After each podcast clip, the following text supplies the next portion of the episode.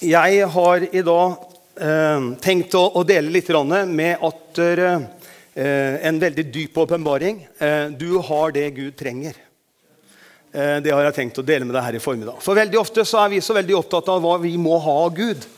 Men eh, du har alt det du trenger. Eh, eh, det er i vår disposisjon, det fins i våre liv. Og veldig ofte så tenker vi at det må være stort og det må være flott, og det er ildskrift på veggen, og det er så veldig greier. Men Jesus Kristus i hverdagen er egentlig ganske avslappende. Det å kunne leve kristenlivet fra mandag til søndag, men liksom de her dagene midt i uka eh, hvor jeg er på jobb Jeg pleier å si Det er ingen som har sånn mulighet til å be for folk som meg. Jeg vasker hår. Så jeg, jeg knar himmelriket inn i folk.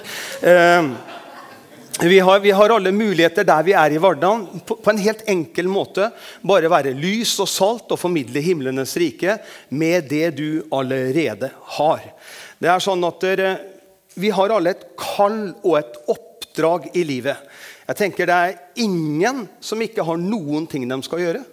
Det er utrolig godt å tenke på at det Gud har brukt for meg. Eh, og det er jeg utrolig glad for. Eh, det hadde vært kjedelig å liksom vært Nei, nei deg har jeg ikke brukt for. Liksom, så der setter vi bort på sidelinja. Men, men, deg, det er veldig bra. Så du kan få lov til å stå her. Gud er ikke sånn. vet du. Gud har brukt for oss alle sammen. Eh, og vi er helt unike og forskjellige. Og det er det som gjør menigheten levende. Tenk deg om alle hadde sittet her med hvit skjorte og slips i dag. Det gjorde vi på 70-tallet. Nei da. Men, men, men, tenk om alle hadde vært like. Det hadde jo vært utrolig kjedelig. Altså, en, en blomsterbukett skal ha litt farve, vi skal være forskjellige. Og det er lov å være den du er. Og det er det som er så deilig. Så jeg, jeg, behøver ikke å stresse med å være noe annet enn det jeg er. Jeg er uhelbredelig ungdom innvendig. Jeg har vært ungdomspastor i 25 år, og jeg klarer liksom egentlig aldri å slippe det der helt. Men samtidig så går jeg jo forbi et speil en gang imellom og ser at den svarte hårfarven er borte, og kroppen forfaller. og alt det her. Men endog så er, har Gud en plan for meg. Plan har ikke blitt borte. Og det å kunne leve i det hver dag, det er utrolig herlig. Og det er ikke stress, men det er avslappende. For hvis du er den du er, da er det veldig lett å være seg sjøl. Men hvis du prøver å være noe du ikke er, det er bedrøvelig kjedelig. Du skal liksom nå opp til noe du egentlig ikke har kalt å gjøre, eller skal fullføre noe du ikke skal holde på med. Eh, jeg hørte en predikant en gang. Han sa han, hadde, han var ute og jogga.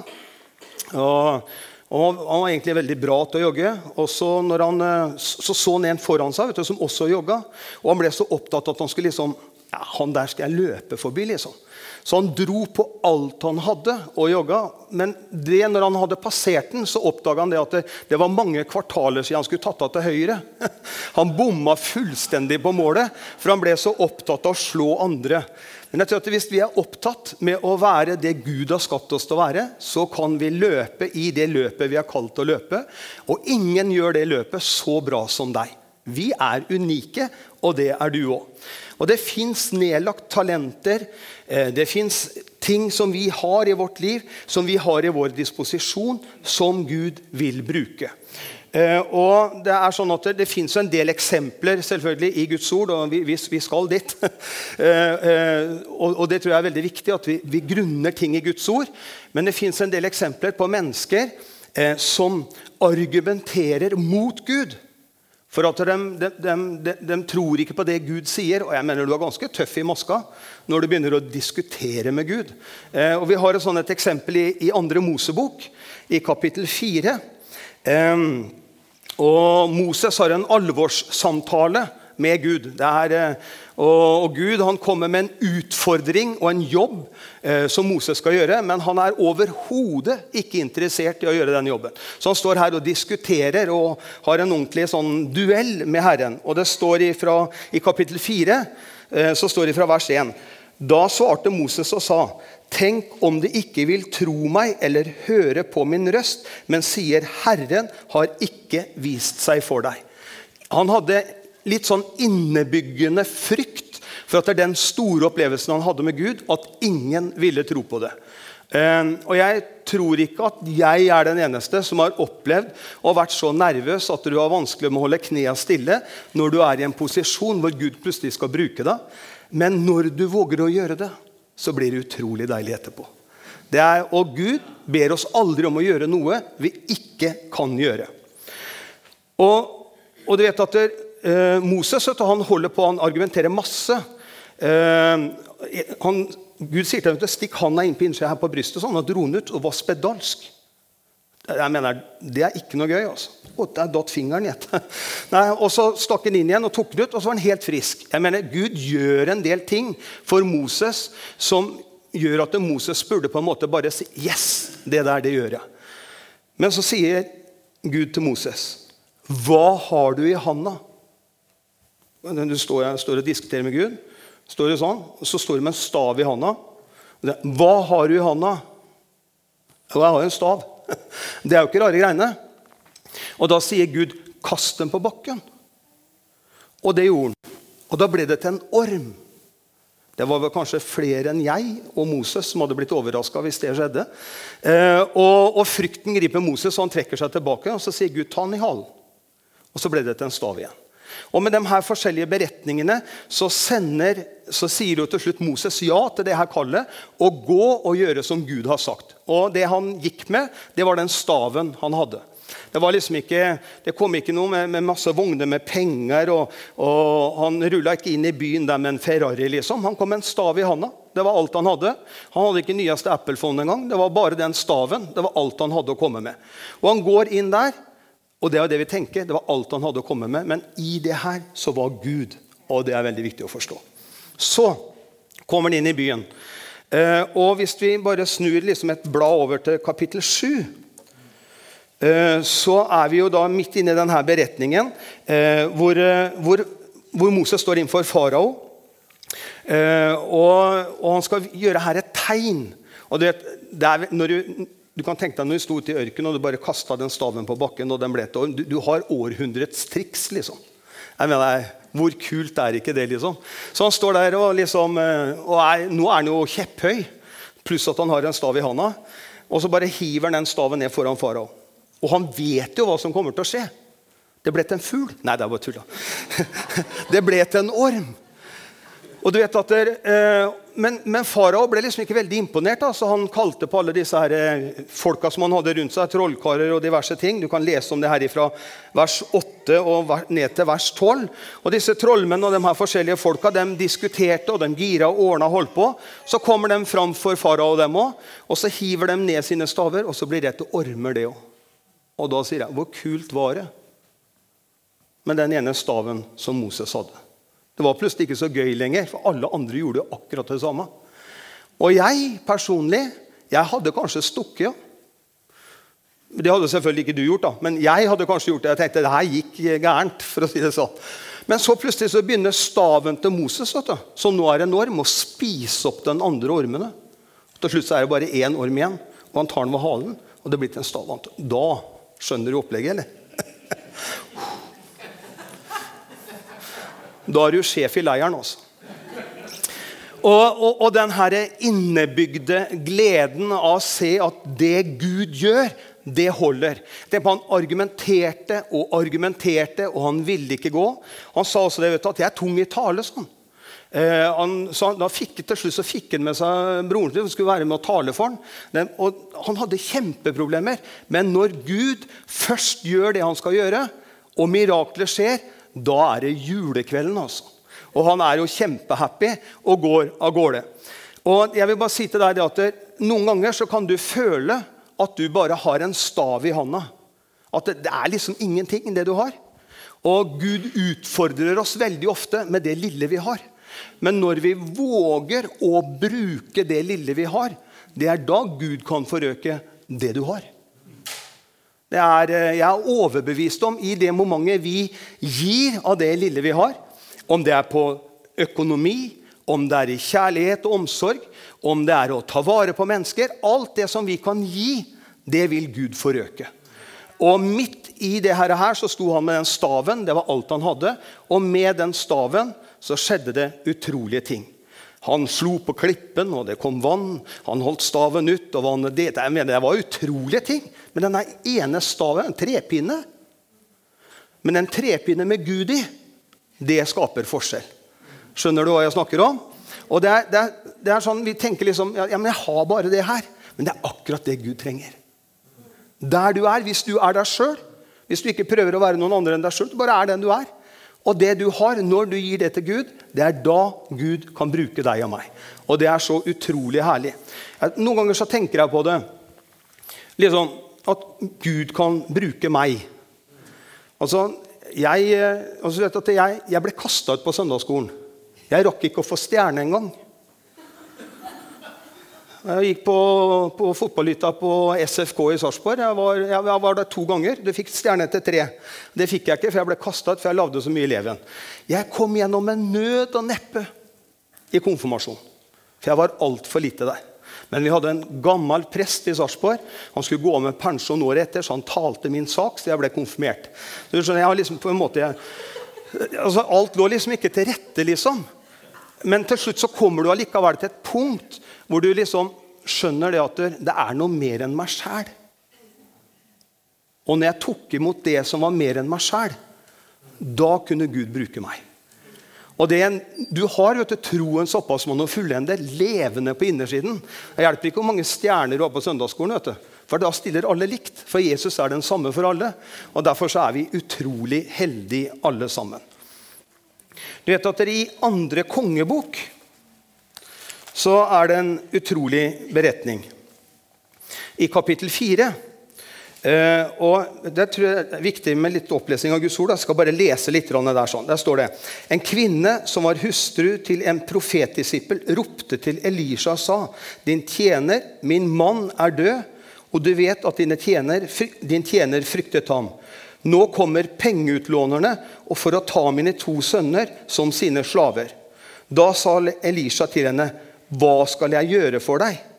'Si meg, hva har du i huset?' Altså Det i seg sjøl er et helt studie hvis du, hvis du driver menighet. Si meg, hva har du i huset? Altså Det her er huset, og vi er en del av huset. Og profeten han spør hva har du i huset.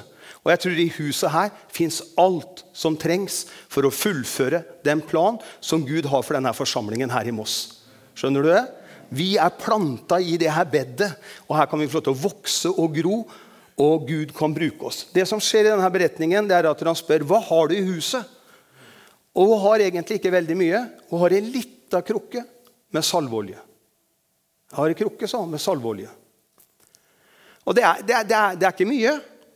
Mest sannsynlig, eller helt garantert, så skyldte hun mye, mye mer penger siden de skulle ta sønnene hennes. Og det på den tida her, når de kom og tok sønnene, det var pensjonen din. vet du. Det var Ungene de skulle liksom formidle og ordne kroner og øre og holde liv i familien. Og, men de skulle ta dem. Og da sier profeten Ta sammen sønnene dine, Spring rundt til naboene. Hent så mye kar du bare klarer å få tak i. Og Da kan man jo tenke hvorfor i all verden skal jeg ut og hente kar? Jeg har ei lita salvekrukke. Det, har, det er ingenting, kunne hun sagt til profeten. Så det, det gidder jeg ikke å gjøre. Og Noen ganger så kan vi oppleve det i livet vårt at vi syns at det vi har, er for lite. Men som jeg sa i stad, når vi gir det til Gud, så blir det utrolig mye mer. Så hun springer rundt, samler inn masse kar. Og jeg, altså En gang jeg preka i Estland. Da hadde jeg lagt inn en sånn slange her. Jeg hadde en sånn pumpe på ryggen og jeg rant olje ut. Det var rene julekvelden. men fikk jeg ikke forberedt det da. Ellers hadde jeg gjort det her i dag òg. Men, men, det som var kult, da, det var at hun, hun bare, de drar og sønnene kommer med karet og står her med den her lille krukka og bare heller. Og det stopper ikke. vet du. Det bare renner og renner og renner ut av den lille krukka. Om man, si, om, om man tror på det eller Jeg tror på det. vet du. Så hun sto der. Og når, den, når den var full, så var det bare å ta den vekk og så sette på neste. Og det bare fortsatte å renne. Vet du hva det er for noe? Det er overflod. Ut av ingenting. Og det bare fortsetter å renne. Og det bare renner. vet du. Og Det er jo ikke, er jo ikke sånn matolje liksom fra Rema 1000, for ikke snakke om First Price. Men det, her er det, det er salveolje. Altså. Det bare renner og renner og renner. Og den bare bytter ut kar etter kar, og det bare fyller seg opp ut ifra det lille som hun hadde. Hun valgte å høre på profeten. Og det bare renner. vet du. Og et nytt kar Jeg kan holde på, for De hadde sikkert mange kar, så det kom et nytt kar. Nei, jeg bare tuller. Og bare, til slutt så var det ikke flere kar igjen, og da var det tomt. Slutta plutselig å renne. Så kom det ikke noe mer. Og da var det så mye der, og da hadde profeten sagt på forhånd til enka Da tar du og selger den her salveolja. Og det du får til overs, det vil altså si etter at du hadde løst ut gjelda som, som de skulle ta sønnene for, det kan du selge, og så skal det være til livsopphold for deg. Overflod. Og det, det kom ut av ei lita krukke. Er det noen her som har lest den boka 'Risunderet'? Den er det noen her som har lest, ja. Helt utrolig. Tenk deg oppe i fjella, i en landsby, helt alene. Sitter der sånn, En hel landsby som sulter, og de har én sekk med ris. Og gjennom hele vinteren så gir de riser av den sekken til en hel landsby, så alle har mat. Det er helt utrolig. altså. Det var bare ned med skjeva og fylle opp. Alle i landsbyen sto i kø, og den fylte på og fylte på. og fylte på. Og Det var ris til alle hele tida. Når vinteren var over, sekken var tom. Det er sånn Gud er. Gud ser ditt behov, og Gud ser du det trenger. Men samtidig så må vi være villige å gi det lille vi har, til Gud, så Gud kan forøke det. Det er sånn en Gud vi har. vet du. En Gud av overflod. Men vi må våge å gi det vi har, så at Guds overflodsmentalitet kan komme over det vi har. Og når vi gjør det, kan vi skape forandring, eller vil skape forandring, der hvor vi går fram. Ehm, jeg har en beretning som er i, Johannesevangeliet, i kapittel 6. Eh, vi skal ikke lese den, for da hadde vi blitt der i dag. vet du. Men eh, det her er jo den beretningen om gutten med matpakka. Og ehm, Thomas kjenner den historien veldig godt, for han har vært med å sløye fiske i Estland. Vi kjøpte en fisk vi skulle demonstrere, og den kjøpte vi på torvet. og Den, den hadde lagt der i mange dager. Det stinka fisk i hele lokalet. var nesten så hadde lyst til å gå hjem. Men, eh, men, men denne beretningen her, den er, den er helt utrolig. Altså det, er, eh, det, står at det er 5000 menn. Eh, og så pleier han alltid å legge til foruten kvinner og barn. så det var, det var masse folk som var samla. Og så får de også de her to fiskene og de her fem byggbrua. Og det er jo ikke rare greia. Det er i matpakke det er snakk om. Og liksom, Han kom ikke med sånne pariserloffer som var flere kilometer lange liksom, og dro hval etter seg gjennom ut der. Det var bare småtteri. Det var i matpakke. Det er liksom, noen ganger så tenker vi at det var nok mye mer. Nei, det var ikke det. Det var i matpakke. Mest sannsynlig så var det sånne små sild. Ja, det er Jensens oversettelse, da. Men det var, det var ikke svære greiene, i hvert fall. Det var rett og slett i matpakke, og det er viktig at vi får med oss. Og, og, det er klart at Jesus han ber til Gud og, og deler ut til disiplene eh, ut fra denne lille matpakka. Og jeg, jeg, vil at du skal prøve å forstå her i formiddag at den matpakka som var så liten Når du deler den på tolv, ja, da blir den liten. altså. Det er liksom ikke mer enn Hvis du har et lite hull i tanna, så kan du tre det oppi der. liksom. Det er ingenting. Og så sier han nå kan dere gå og dele ut. Vær så god. Hvor kult er det å gå bort til en flokk med 50 mannfolk? Bare forsyn deg. Nei, nei, det, er, det, er liksom, det, er, litt sånn, Noen ganger så får du et umulig oppdrag, liksom. Og du tenker nei, det der det gjør jeg bare ikke. Har du tenkt sånn noen gang? Jeg, jeg har gjort det. Jeg, jeg har gjort Det liksom, nei, det er ikke snakk om, liksom. Nei, men de gjorde det. De, de hørte på Jesus, og de trodde på hans forhold til Gud, og de gikk med det lille de hadde. Og du vet at det er det som er helt utrolig. vet du. Det var mat nok. Nei, men alle fikk mat ut av den lille matpakka. Og så samla de sammen etterpå overfloden. Og da var det tolv kurver med mat igjen. Og da, da er ikke det så, altså, på, eh, faktisk, eh, Jeg snakka med en pastor om det. for På den tiden, en sånn kurv som de snakker om. for De har forskjellige hulmål og forskjellige ting. Det var bare en sånn liten kurv. Det var tolv kurver som var igjen når de var ferdig. Og Det er nemlig sånn Gud er. Det er alltid nok til dem som gjør noe. For det var tolv disipler som hadde gjort jobben. Disse tolv disiplene hadde gått med det lille. De hadde mata alle sammen. Og når alle hadde spist, så var det tolv kurver igjen. Mat nok til hver disippel som hadde gjort en jobb i Guds rike. Så dem òg kunne spise seg mette. Det er sånn Gud er. Gud fører oss, gir oss alt det vi trenger, så vi kan gjøre det vi er kalt til å gjøre. Det fins en unik plan for livet ditt. Eh, vi må bare våge å gjøre det Gud sier til oss der og da. Og Veldig ofte så er det sånn at det, det skal litt til å gå over streken og gjøre det han sier. For vi er så trygge med det vi kan, med det vi har, der vi er. Men i det momentet Gud utfordrer oss til å ta ett skritt videre, så vil han alltid bruke det du har. Det som allerede ligger nedlagt i livet ditt. Det som du disponerer, som allerede er til stede. Som mange ganger vi tenker ikke er noen ting.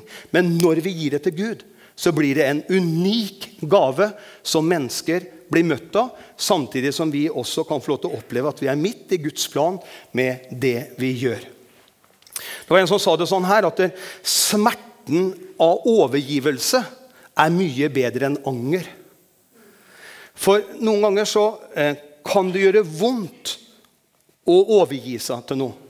Man, man kan føle at ja, men vet du hva, det her det blir for mye. Eller jeg, jeg vil ikke, rett og slett. Men den opplevelsen av anger etterpå, den er mye verre. Dette er kanskje et litt dårlig eksempel, men jeg skal fortelle det likevel. Jeg, eh, jeg var ungdomspastor for 100 år siden på Borg kristne senter. I sammen med en som heter Sigmund Brenna. Så vi preka liksom annenhver uke. Eh, og Jeg hadde gått hjemme og bedt og forberedt meg, så jeg var, jeg var skikkelig i støtet. Og jeg hadde preken klar. Alt var ferdig. Jeg setter meg i bilen og kjører på møte, og jeg, jeg kjenner en sånn enorm glede på innersida. Uh, masse ungdom, og jeg satt på første benk, og lovsangen var på, og det var herlig. Og idet jeg reiser meg opp og skal gå på plattforma, så hører jeg en stemme. Det var ikke noe sånn som sto og gapa og skrek inn i øret på meg, men jeg kjente det her inne. Du skal prate om frelse. Og Jeg gikk opp den trappa, og jeg sa til Herren det kunne du sagt tidligere.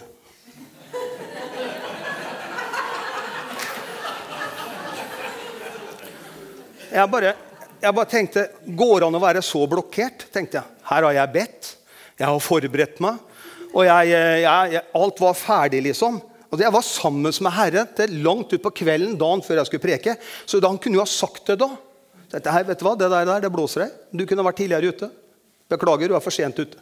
Så jeg gikk opp, og jeg holdt preken min. Blåste i frelse og alt som var. Sto på og ga jernet. Den kvelden der så var det fem ungdommer som ble frelst. Gud er full av nåde. Det var i hvert fall ikke pga. det jeg hadde preka. Eh, mest sannsynlig så var det for at han som leda møtet, han tok en runde på det. For han hadde vel kanskje hørt noe, han òg.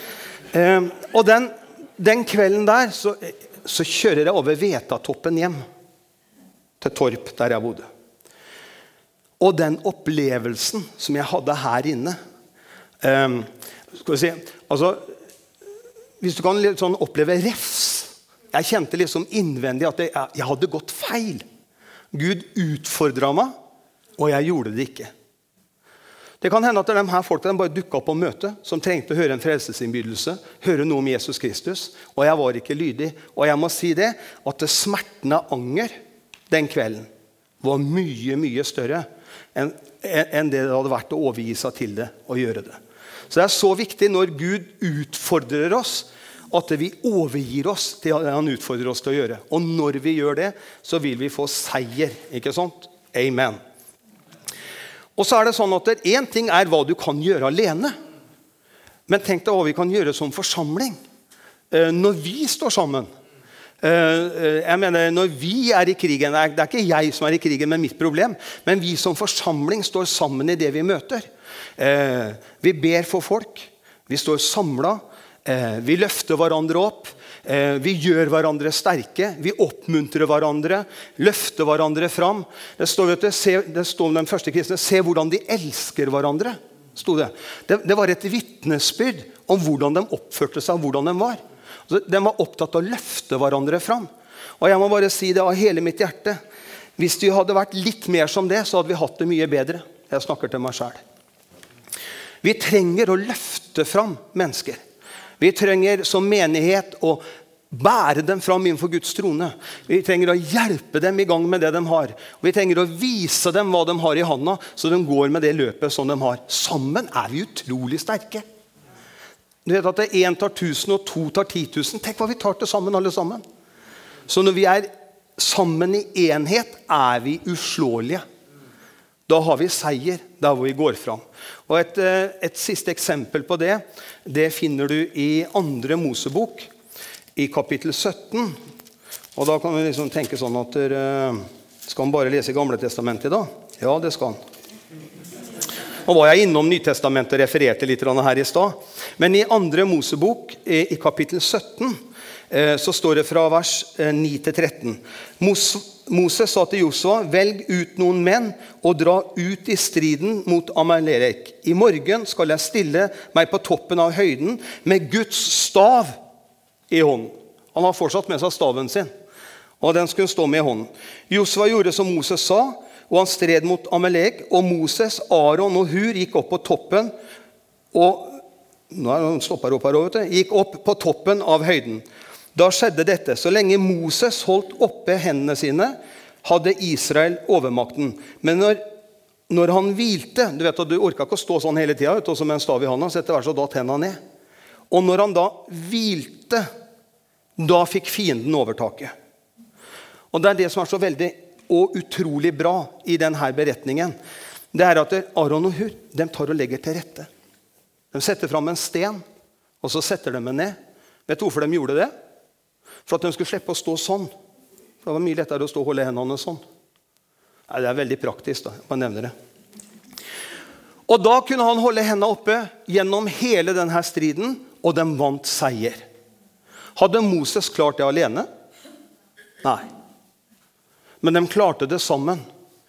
Og Moses var like avhengig av dem som stred ute på stridsheltet, som han var av Aron og Hur, som sto og holdt hendene hans oppe. Det var sammen vant dem seier. Og Den eneste måten du og jeg kan vinne seier, det er at det, som menighet, det er at vi står sammen. Samtidig, hvis vi skal vinne seier i vårt personlige liv, så må vi verdsette det Gud har gitt oss. Vi er alltid opptatt av hva vi ikke har. Jeg skulle så gjerne hatt. Hadde jeg bare kunne. Hvis jeg hadde fått. Men jeg har en opplysning til deg her i formiddag med stor glede og med et stort hjerte å si du har alt du trenger. Det er ferdig. Jesus Kristus har dødd. Han har oppstått. Han har gitt oss sitt testamente, som er et løfte på hva vi har i våre liv. Amen. Og når vi leser det som står der, så er det det er mitt. Det er gitt av Gud til meg. Og så kan du, kan du kanskje si ah, lever du i alt det der? Nei, det gjør jeg ikke. Langt ifra. Men jeg er bra på vei. Jeg er en del av de tingene som funka veldig bra. Og jeg strekker meg i min tro, jeg strekker meg i min lengsel etter å bli mer lik Jesus Kristus og løpe på den løpebånd som han kalte meg til å løpe på. Og Om det betyr at jeg skal ha en stav i handa Nå tror jeg kanskje ikke det er akkurat det vi bruker i dag. Men om det er det det er, så vil jeg gå med den staven som Gud har gitt meg. Jeg vil bruke det Gud ga meg, så jeg kan vinne seier der hvor jeg går fram i sammen med Han. Ingenting er umulig for den som tror. Og det er faktisk sånn at Hvis jeg vil oppleve noe i mitt liv som jeg ikke har opplevd før, så må jeg gjøre noe jeg ikke har gjort før. Du fikk med den? Hvis du skal, hvis du skal oppleve, Noen ganger så tenker vi liksom, å, det der skulle jeg vært med på. liksom. Av det der ville jeg ha gjort. Ja, Da må du gjøre det. Det er, det er bare sånn det er. Jeg lærte kona mi å stå på slalåm. Jeg er unik lærer. Så jeg bare utfor bakken, og så sto jeg delvis helt ned i bakken, så ropte jeg 'Linda!' Jeg slo ikke helt an, for å si det sånn. da. Så det, men eh, jeg er fortsatt gift. Men nei, noen ganger så tar vi for lett på ting. Eh, jeg kunne kanskje kjørt litt mer sammen og gjort litt mer ut av det. hadde fungert mye mye bedre.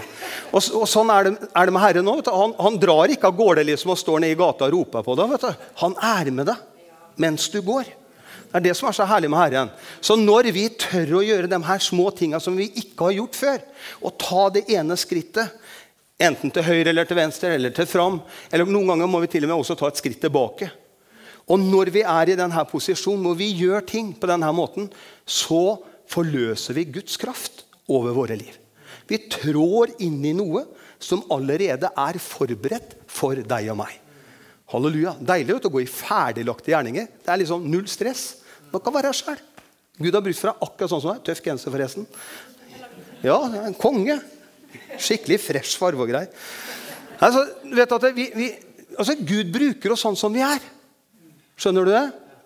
Vi har en i kjerka som heter Ture. Er det noen som har hørt om TX Viking før? Det er en del som har gjort det. Stort sett de fleste.